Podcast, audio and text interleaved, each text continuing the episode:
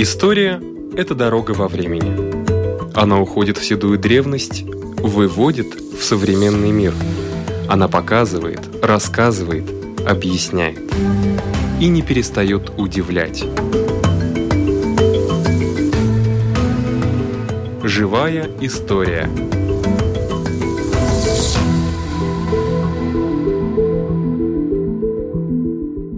У микрофона Лидия Чера.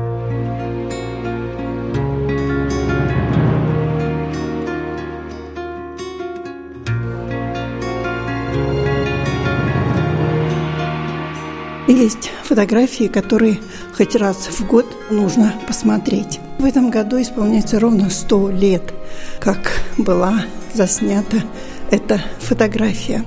Сейчас она выставлена в музее Риги и мореходства – и о ней расскажет сотрудник музея Ингрида Лукашевица. Это особый момент каждый год, и особенно в этот год, когда мы празднуем столетие латвийского государства.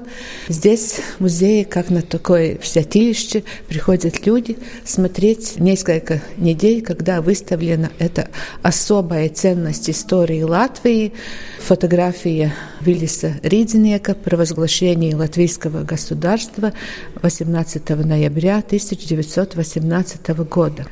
И, конечно, это особая реликвия и как символ нашего государства, потому что это единственное визуальное свидетельство об этом акте провозглашения независимости. И, конечно, с этим связываются разные легенды. Почему только одна фотография, один момент был запечатлен фотографом Виллисом Редзинеком этот особый день.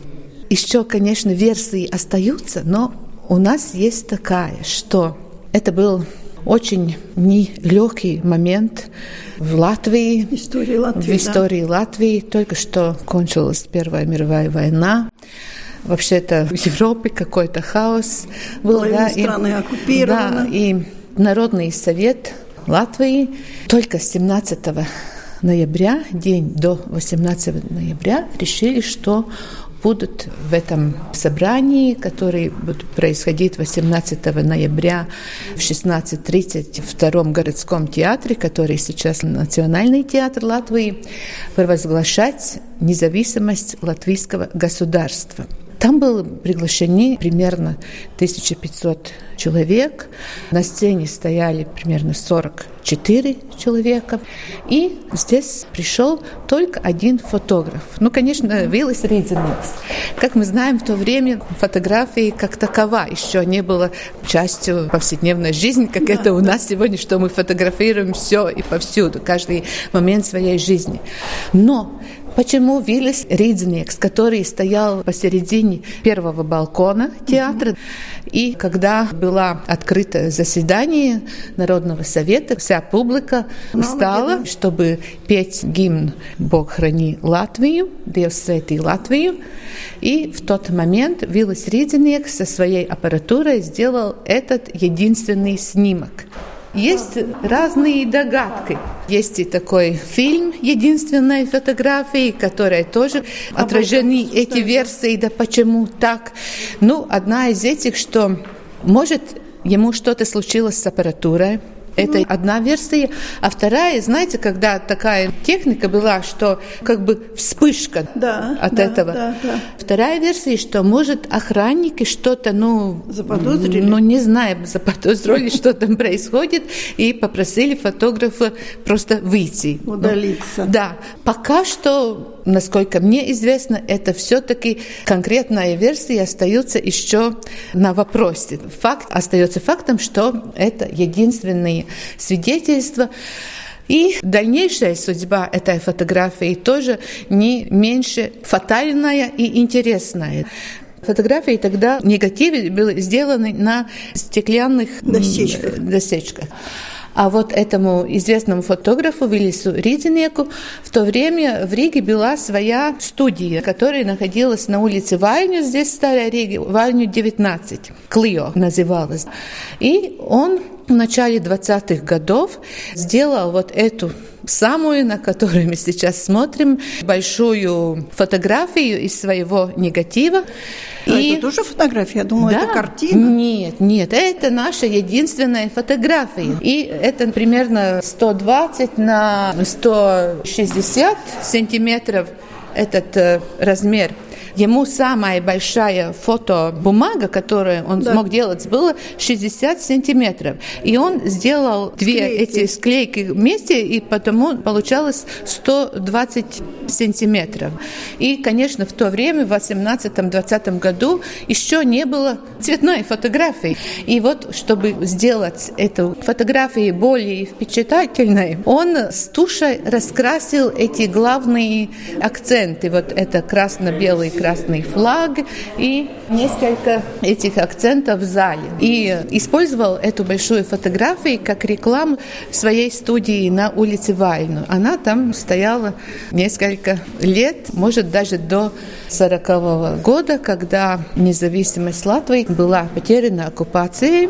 И дальнейшая судьба этой большой фотографии связывается с оккупационным периодом, когда, чтобы избегать репрессий, семья Виллиса Ридзеника решили эту фотографию заклеить бумагой, и хранили в своей квартире, и там, как говорится, ставили впереди какие-то портреты вождей, даже Сталина и, может, другие, чтобы все-таки они, понимая ценность этого, сохранили, я думаю, во многом рискуя со своей да. судьбой.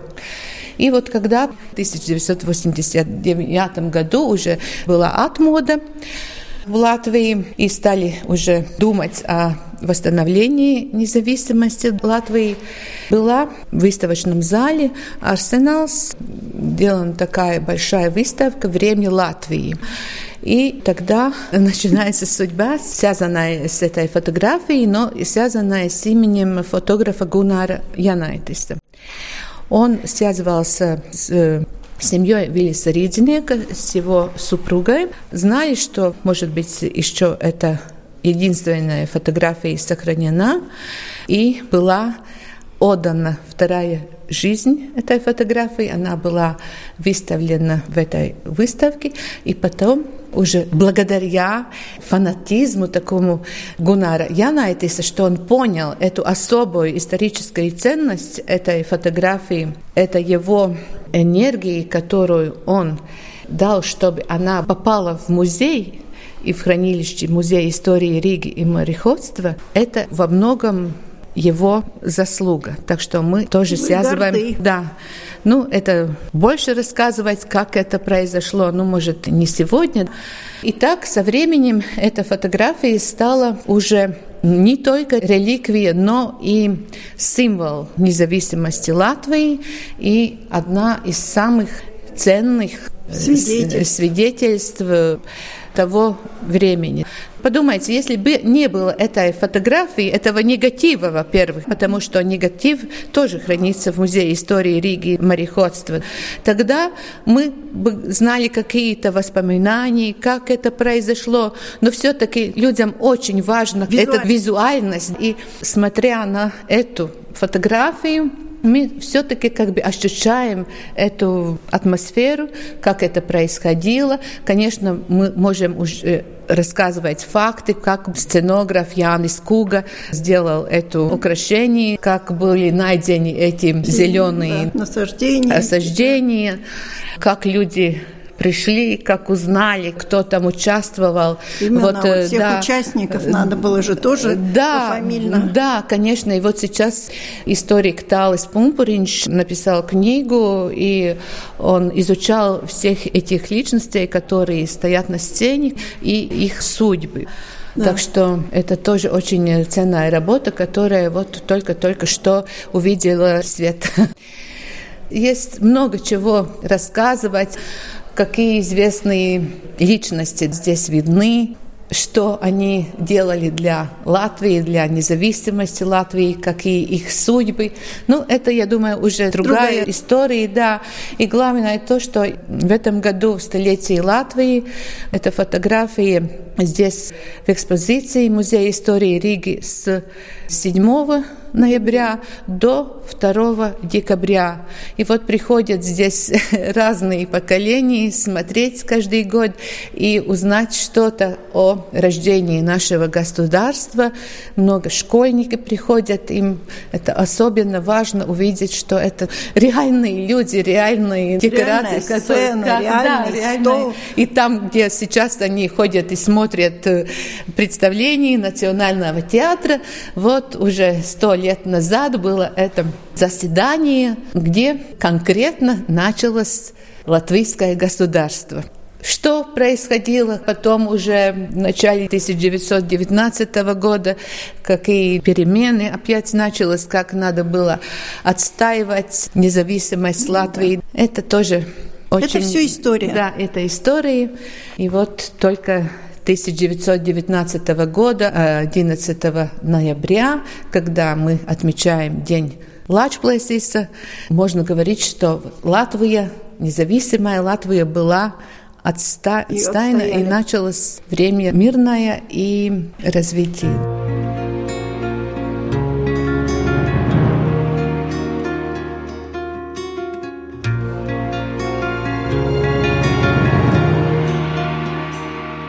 И вот мы снова около этой знаменитой фотографии. У вас вышла книга. Я историк Цесского исторического и художественного музея Талис Пумпуринч. И мы вместе с коллегами латвийских музеев в этом году создали выставку на столетие Латвии. И этой группе историков и музейных работников, которые создали эту выставку, мне была тема о основателях латвийского государства. И это видно на фотографии Виллиса Ридзенека, который эту картину создал в 1918 году, 18 ноября, когда прокламировали латвийское государство. И тогда я был обязан подробнее ознакомиться с биографией основателей нашего государства. И это историческое событие было делегировано представитель восьми политических партий и представитель Латгалии. И 38 делегатов пришли на это торжественный акт прокламирования Латвийской Республики. Но еще было 39-й, это был выдвинут председатель Народного совета Янис Чаксте, позже первый президент латвийского государства. Но он по разным обстоятельствам не мог участвовать в этом событии. Ну, на фотографии видны и второй, и четвертый президент Густав Земгал и Карлос Улманис. Они тоже на этой фотографии. Я хотела спросить, кто из историков первым начал изучать эту фотографию и уже тогда постарался обличить всех людей, ага. которые там сфотографированы? А, надо сперва сказать, что 20-е и 30-е годы по политическим и другим обстоятельствам не всегда все эти биографии были где-то опубликованы. Да, да. После Второй мировой войны в эмиграции историк Адольф Шилде первый идентифицировал 30 создателей. Потом уже конце 20 века историк Государственного исторического музея в Риге, историк Гунар Раузан, старался определить остальные восемь. Там э, в картине видно, что человек там два или даже еще больше, но это потому, что это момент, когда исполняется впервые государственный гимн Латвии, и чтобы э, звучало лучше участвует хор латвийской оперы. А у вас тоже какое-нибудь открытие ждало на этой фотографии? Да, вот э, когда Адольф Шилде и потом Гуннар Раузан идентифицировали, у них было мало оригинальных фотографий той времени. И сейчас, когда мы создали выставку в Национальном музее истории Латвии, тогда появились исторические фотографии некоторых основателей государства того времени. И тогда легче идентифицировать по этим фотографиям. Лично у вас было открытие? Мне очень много открытий в этих биографиях. Особенно в биографиях, даже не столько с людьми. Да, и некоторые почти нигде не упоминались. И сейчас уже 39 биографий, но не все на одинаковом уровне. Некоторым президентам, некоторые даже монографии, сборники, все. Некоторые свои воспоминания создали, а некоторых э, вообще ничего нет. Ну, год рождения, год смерти, а посередине то, что он участвовал, да? Э, да, и иногда очень трудно определить дату смерти, потому что очень многие была суровая судьба, которые э, сталинские репрессии, и иногда нет точных сведений о обстоятельствах смерти. Вы сегодня в музее так обстоятельно рассказывали, практически биографию каждого указали. У кого-то она была расцвечена яркими красками, у кого-то на самом деле только год рождения и год смерти. Туда даже журналист один попал. На фотографии я имею в виду. Да, здесь интересно, что я рассказывал, что было на сцене 38 с мандатами, а еще побежал один из э, национал-демократов, которому не было делегатского мандата. Ну, так бывает, фотограф и такие моменты. И Райнис блистала своим отсутствием. Это по-другому. Он еще находился в эмиграции, он только полтора года позже, в 2020 году, приехал в Латвию. А буквально на следующий день Карлос Луман стал президентом министров, а Янис Чакста президентом.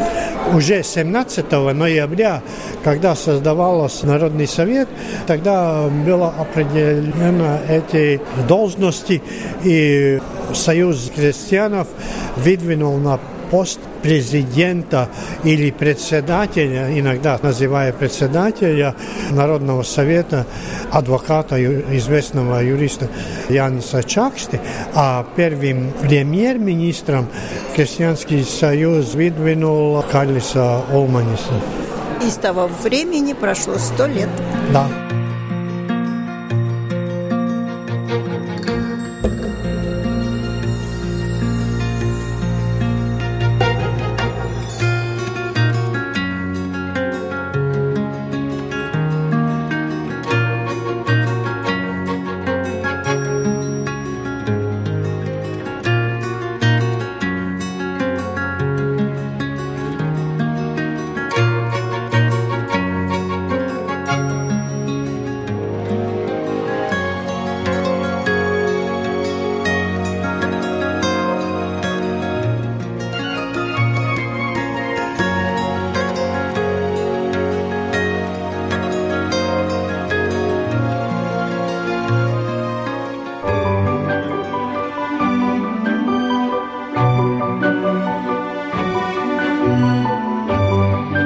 Следующем году исполняется 100 лет Национальной библиотеки. Программа «Живая история» предлагает цикл сюжетов о раритетах, которые там находятся. Итак, заглянем в хранилище редких книг.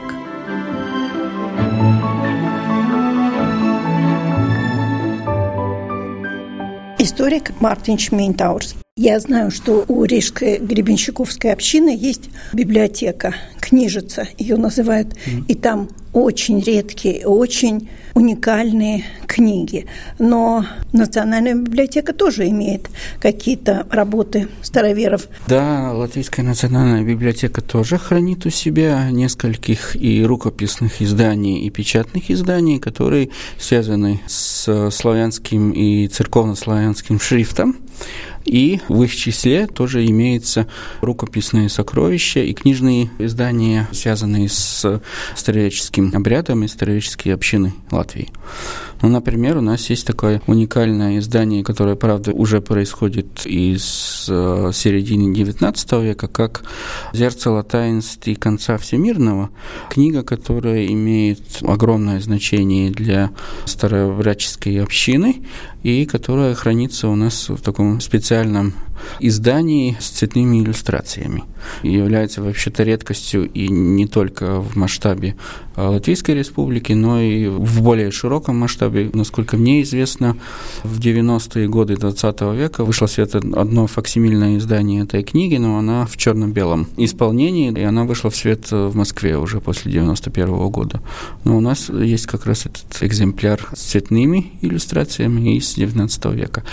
И также очень такая характерная черта для старообрядческой истории в Латвии – это рукописные книги. Вообще-то у нас рукописные книги делятся по конфессиональному признаку, потому что большую часть этих рукописных книг в наших хранилищах составляют или рукописные книги старообрядческого старообрядчества и происхождения. Или вторая часть, которая может быть по объему немножко больше по численности экземпляров, это рукописные книги лютеранского происхождения, но это то, что называется бра лютраудзе по-латышски, религиозных общин, которые появились у нас в XVIII веке, которые были как бы в оппозиции официальной лютеранской церкви. Это в Видземе в основном. Но, возвращаясь обратно к тем сокровищам, которые у нас имеются и которые связаны с славянской письменностью, у нас есть, к примеру, и персональный фонд, тоже по объему небольшой, но очень интересный персональный национальный фонд Ивана Никифоровича Заволоку.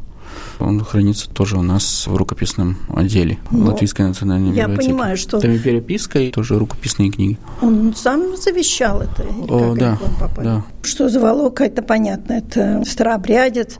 А вот эти первые книги, которые вы сказали, 19 века, откуда вы можете определить, что это вот старообрядческие? Ну, это определялось, во-первых, по содержанию, потому что там есть свои литургические особенности, которые позволяют отличить от русской православной церкви после никонианских реформ 17 века. И также они определяются, ну, там не только 19 век, это один такой видный пример, но вообще-то самые старинные свидетельства свидетельства славянской письменности, которые у нас хранятся, это XIV век. Если говорить о рукописях, есть и книги, которые печатались как на церковно-славянском, так и в кириллском шрифте, и потом уже так называемый гражданский шрифт, который появляется уже в Петровскую эпоху в начале XVIII века. Вообще, если говорить статистическим языком, то у нас 189 единиц, которые в наших хранилищах редких книг и рукописей, которые связаны с славянской, древнеславянской письменностью начиная с XIV века до начала XX века. А если я вот зарегистрированный читатель, я могу прийти и Конечно. попросить посмотреть да. И мне их дадут? Они все доступны читателям. Вы придете э, к нам э, в отдел редких книг и рукописей и получите здесь э, на месте в читательском зале все они доступны. Можно посмотреть, полистать, почитать. Не рассыпятся? Нет, не рассыпаться. Об этом как раз заботятся сотрудники Центра по сохранению библиотечного фонда, так он называется, или, просто говоря, реставраторы Латвийской национальной библиотеки, которые регулярно следят за техническим состоянием этих книг и рукописей и соответствующе делают там все возможное, что надо, чтобы там сохранился и переплет оригинальный, и чтобы не пострадали все эти печатные издания.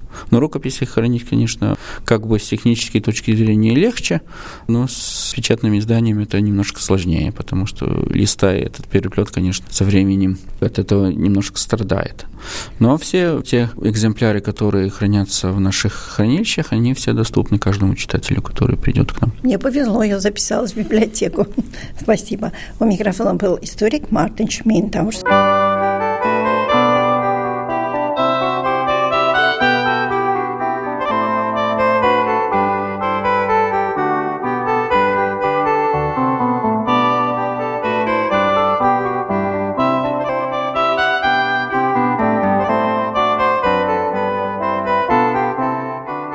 Цикл сюжетов «100 реликвий истории Латвии». Его ведет Ирина Зейбарте. Приближается 18 ноября, день рождения Латвийской Республики, и поэтому реликвия, о которой мы будем говорить сейчас, посвящена именно этому дню.